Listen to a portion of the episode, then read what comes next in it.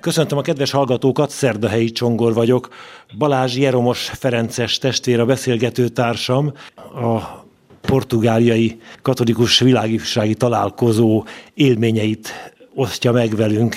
Még nem vagyunk a végén a találkozónak, mert szombat délután beszélgetünk, de gondolom már most is sok-sok olyan élmény, benyomás összegyűlt, amelyet örömmel mesélsz el nekünk, Jeromos. Most éppen egy Lisszaboni portugál család lakásából beszélek, olyan családéból, akik befogadtak bennünket ide ezekre a napokra azzal a közösséggel, amelyel érkeztem. Hát rengeteg élmény ért bennünket a találkozó során, óriási egyház tapasztalat az, hogy, hogy körülbelül tudomásom szerint egy millió fiatallal vagyunk itt együtt.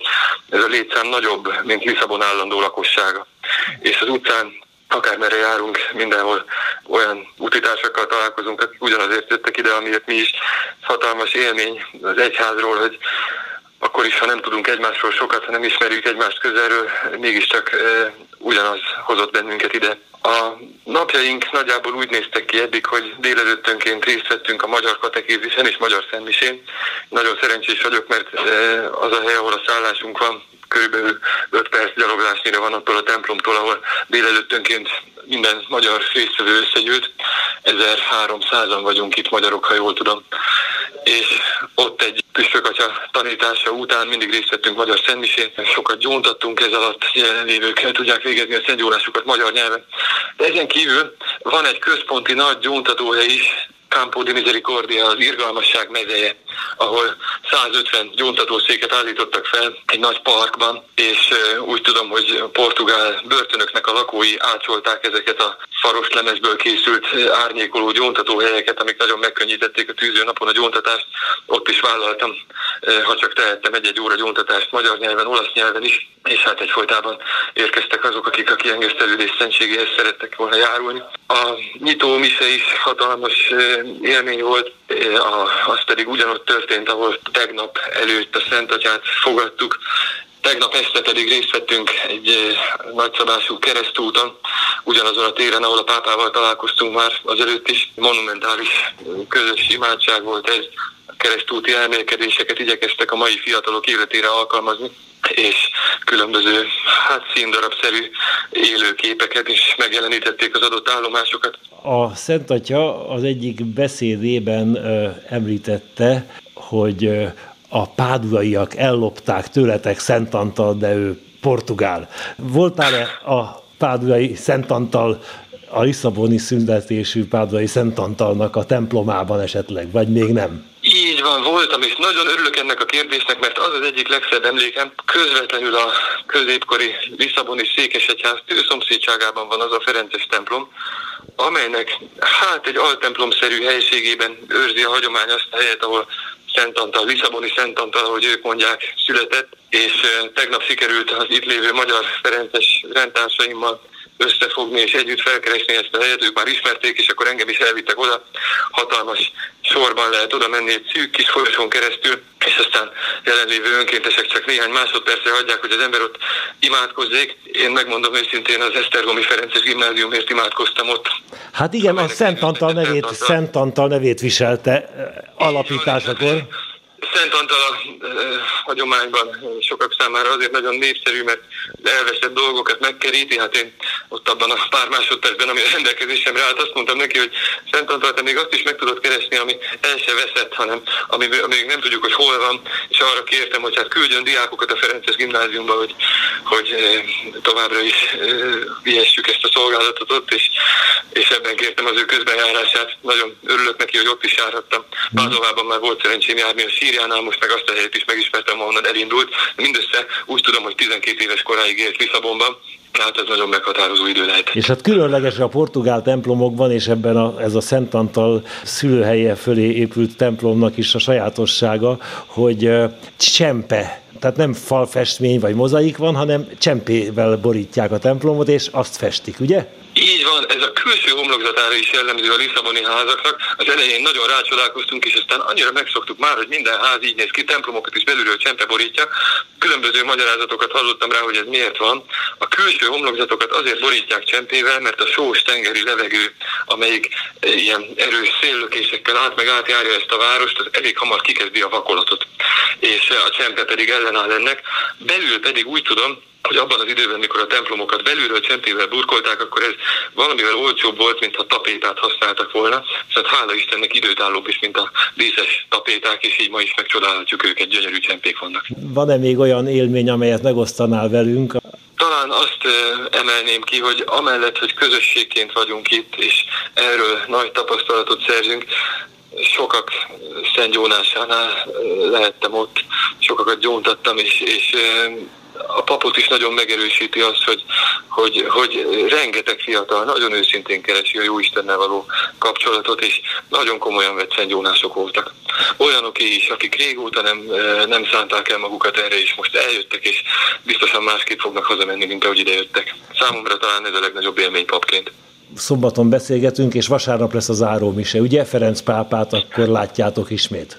Így van, ez most egy olyan uh, nagyszabású dolog, amit még el sem tudunk képzelni, ugyanis az fog történni, hogy minden résztvevő kimegy egy, úgy sejtem, hogy Lisszabon szélén lévő parkba, egy folyópartra, és ez már ma megtörténik, ott mindenki elfoglalja a helyét, és az egész éjszakát ott töltjük, a holnap reggel 9-kor kezdődő szentmiséig.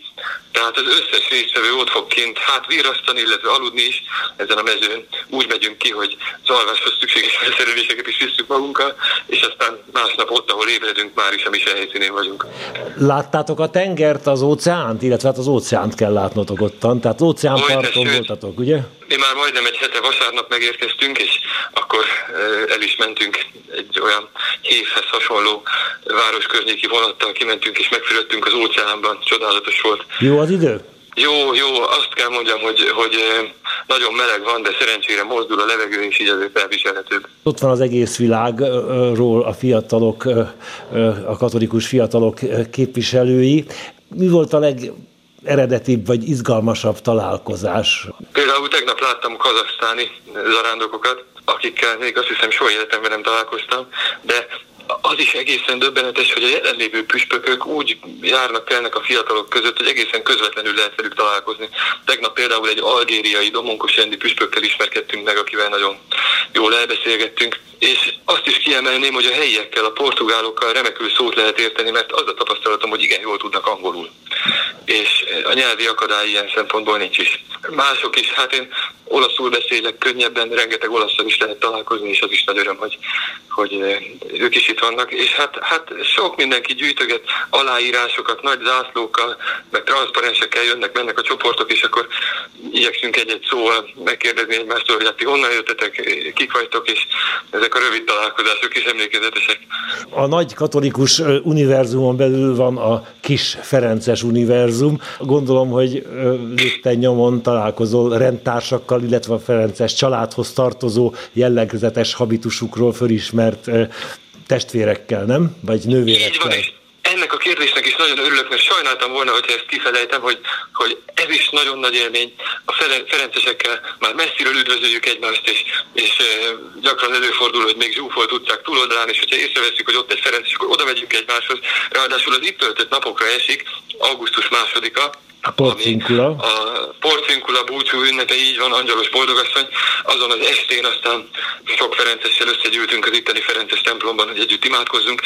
De egyébként is a világ minden részén élő rendtársakkal lehet találkozni, mert megismerkedtem vietnámi Ferencessel, dél-amerikaiakkal, afrikaiakkal és még, még sokakkal. Hát persze az olaszok vannak közülük is, talán a legtöbben, de, de hát olyan jó, hogy tényleg, ahogy, ahogy fogalmazol, ezen a nagy-nagy közösségen belül Ferences család összetart. Jeromos testvér Fatima nélkül azt hiszem egy portugáliai látogatás nem teljes, a pápa is elmegy Fatimába. Ti voltatok-e? A világifjsági találkoznak hivatalosan nem helyszíne. Így van, viszont mivel Fatima autóbusszal másfél órára van Lisszabontól, nagyon közel. Azt hiszem, hogy a résztvevők nagy része ellátogat oda is. Mi is eljutottunk. A találkozó kedden kezdődött, és a hétfői nap egészen a miénk volt. Így hát azt határoztuk el, hogy akkor zarándokolunk el Fatimába.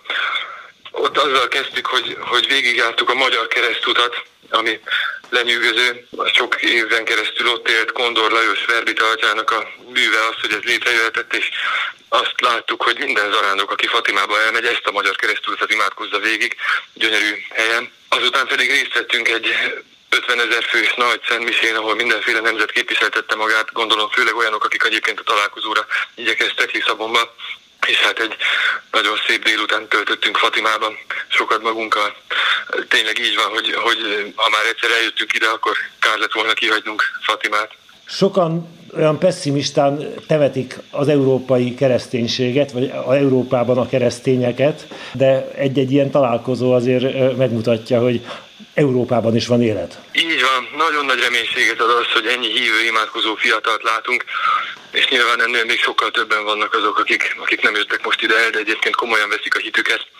Jó ezt együtt látni azzal a sok kérdőjellel, amit az európai kereszténység helyzete fölvet, hogy, hogy ezek a fiatalok tényleg Istent keresik, és azt, hogy ebben a világban hogyan lehet ő szerinte és ő vele élni. Nagy reménység ez nekünk, igen.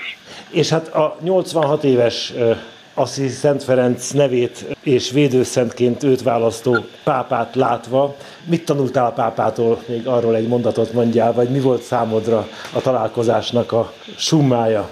Egyrészt emlékezetesek a beszédei, másrészt látjuk, láttuk az ő időbeosztását, hogy szinte óráról órára követik egymást különböző protokolláris programok. Összeszámoltuk, hogy legalább kilenc beszédet mond, és hát az ő korában még ennél sokkal kevesebbnek is nehéz lehetne megfelelni. Azt hiszem, hogy az képes erre, aki a jó Istenből meríti az erejét. Mindig figyeljük az arcát, fürkésztük, hogy vajon, vajon hogy van van, amikor nagyon vidámnak látjuk, máskor fáradtabbnak. Hát imádkozunk érte, hogy, hogy jól bírja ezt az egészet. Nagyon szépen köszönöm. További jó utat! Köszönöm szépen, köszönöm. Szervusz, szervusz.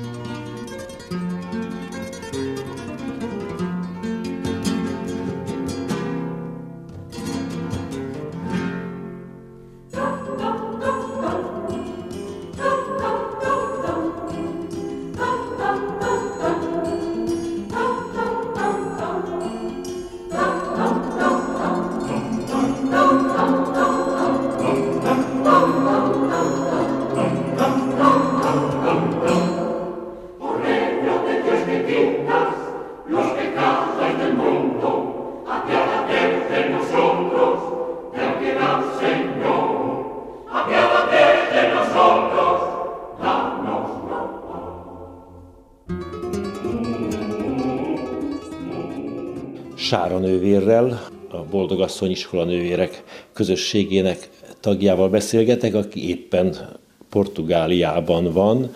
A Magyarországról az ifjúsági világtalálkozóra érkező csapatnak az egyik sajtós munkatársa. Vége van a találkozónak. Mekkora magyar csapat érkezett? A záró misére másfél millió zarándok jött össze itt Lisszabonban a Campo da Graça, a Kegyelmek parkjában, ami itt igazából a, a Pezsó folyó partján volt található.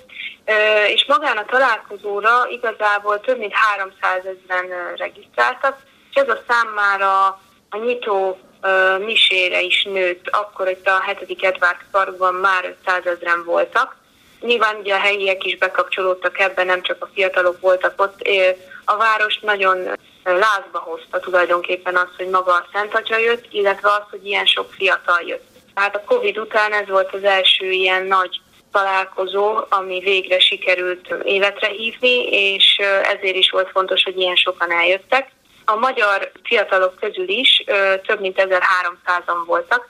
Ez magába foglalja a határon túli egyházmegyéket is. Gondolok itt a Nagyváradi Egyházmegye, Szatmár Németi Egyházmegye, Temesvári Egyházmegye, Nagybecskereki egyházmegye és minden ilyen délvidéki egyházmegyének a fiataljaira is, illetve felvidékről is voltak magyarok.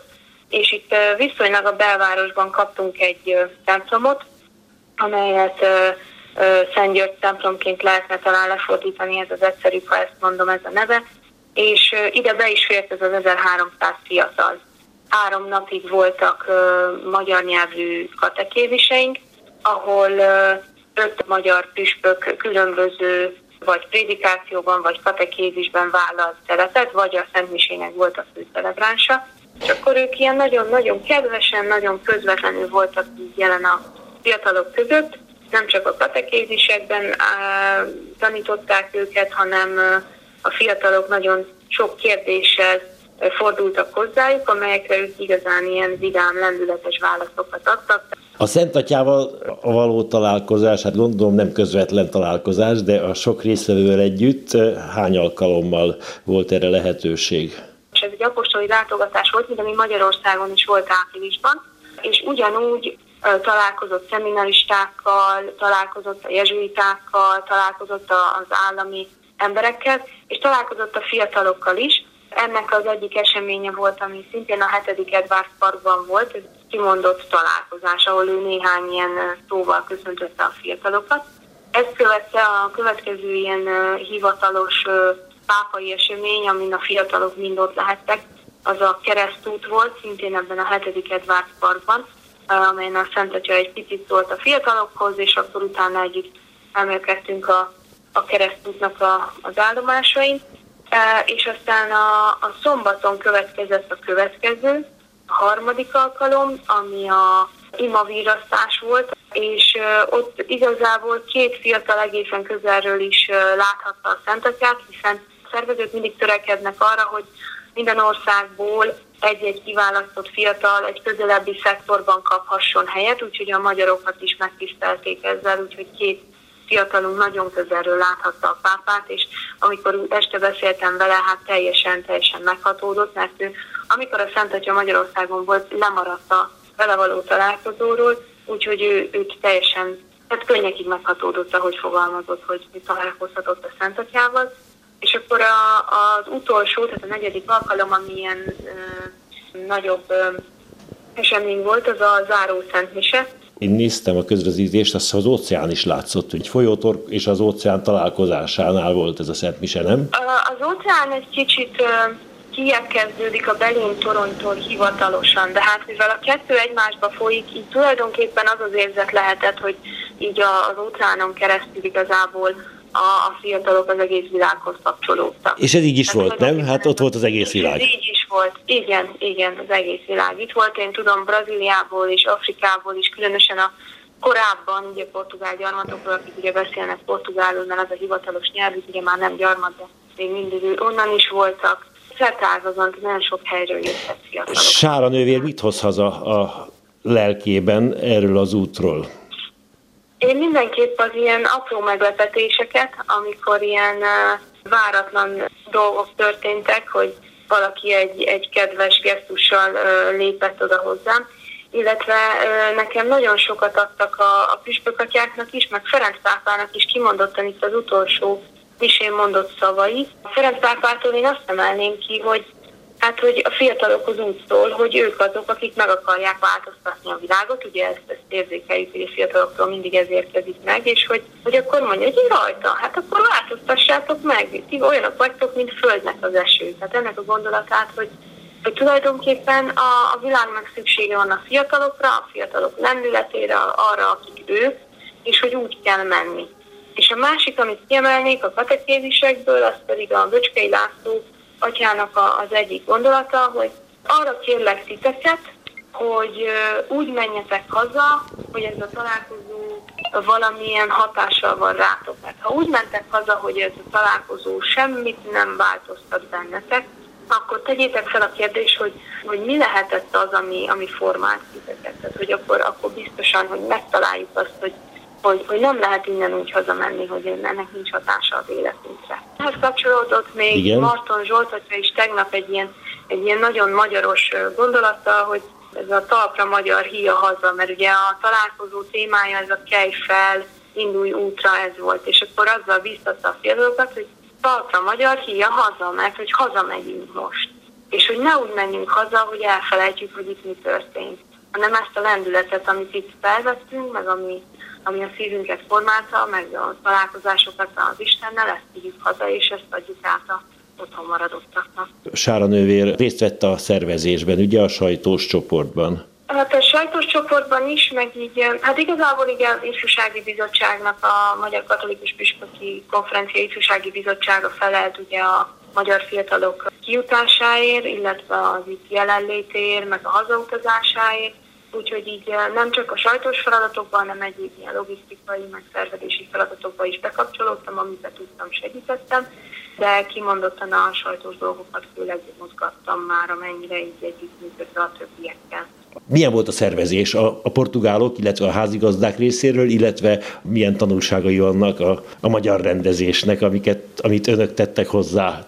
Én azt, azt gondolom, hogy a magyar ilyen szervezésnek az az egyik legfőbb ilyen feladata, amire mi is itt törekszünk folyamatosan, az az, hogy az ide érkező fiatalok, akik lehet, hogy még soha nem voltak életükben külföldön, és egy idegen országba érkeznek, ráadásul egy ilyen tömeges rendezvényre, hogy, hogy őket megnyugtassuk arról, hogy minden rendben van, és hogy nem kell azon aggódni, hogy mit hol találnak meg, és hogy pláne, hogyha valamilyen nyelvet nem beszélnek, akkor tőlünk tudnak segítséget kérni. Tehát van egy ilyen közvetítő szerepünk is, ami főleg azt biztosítja, hogy ők nyugodtan tudjanak ezen a találkozón részt venni. Ezzel felé persze igyekszünk segíteni azt is, hogy gördülékenyebben menjen a szálláskiosztás, vagy kijussanak a reptére, vagy ha valakinek elveszett az okmánya, akkor azt tudjuk segíteni, hogy a konzuli szolgálat rendelkezésre álljon, és akkor meglegyen. Szóval ilyen, ilyen mindenféle háttérfeladatot lát el a magyar csapat, egészen odáig, hogy így a, a katekézisek lebonyolítását is igyekeztünk segíteni. De azt is elmondhatom, mert nagyon sok portugál szervezővel kerültünk kapcsolatba, hogy a portugálok hihetetlenül kedvesek, és minden reggel, amikor újra hívtuk egymást, hogy valamilyen ügyet megoldjunk, akkor mindig megkérdezték, hogy hogy vagy, jól aludtál-e, minden oké, és nem, nem probléma, megoldjuk. Tehát, hogy egy ilyen, egy ilyen végtelen vendégszeretet itt van, amit, amit így még a, a sokadik napján a találkozónak is elő tudtak venni, és ami, amiből így, hát ez a találkozó ez ilyen lesz, ami, ami igazából azt gondolom, hogy tényleg egy ilyen, egy ilyen um, örömteli volt. Sára nővérrel a katolikus világifjúsági találkozó magyar részvételének egyik szervezőjével, a Boldogasszony Iskola Nővérek kongregációja tagjával beszélgettem. Keceli Zsuzsa zenei szerkesztő nevében is búcsúzik a szerkesztő, Szerdahelyi Csongor.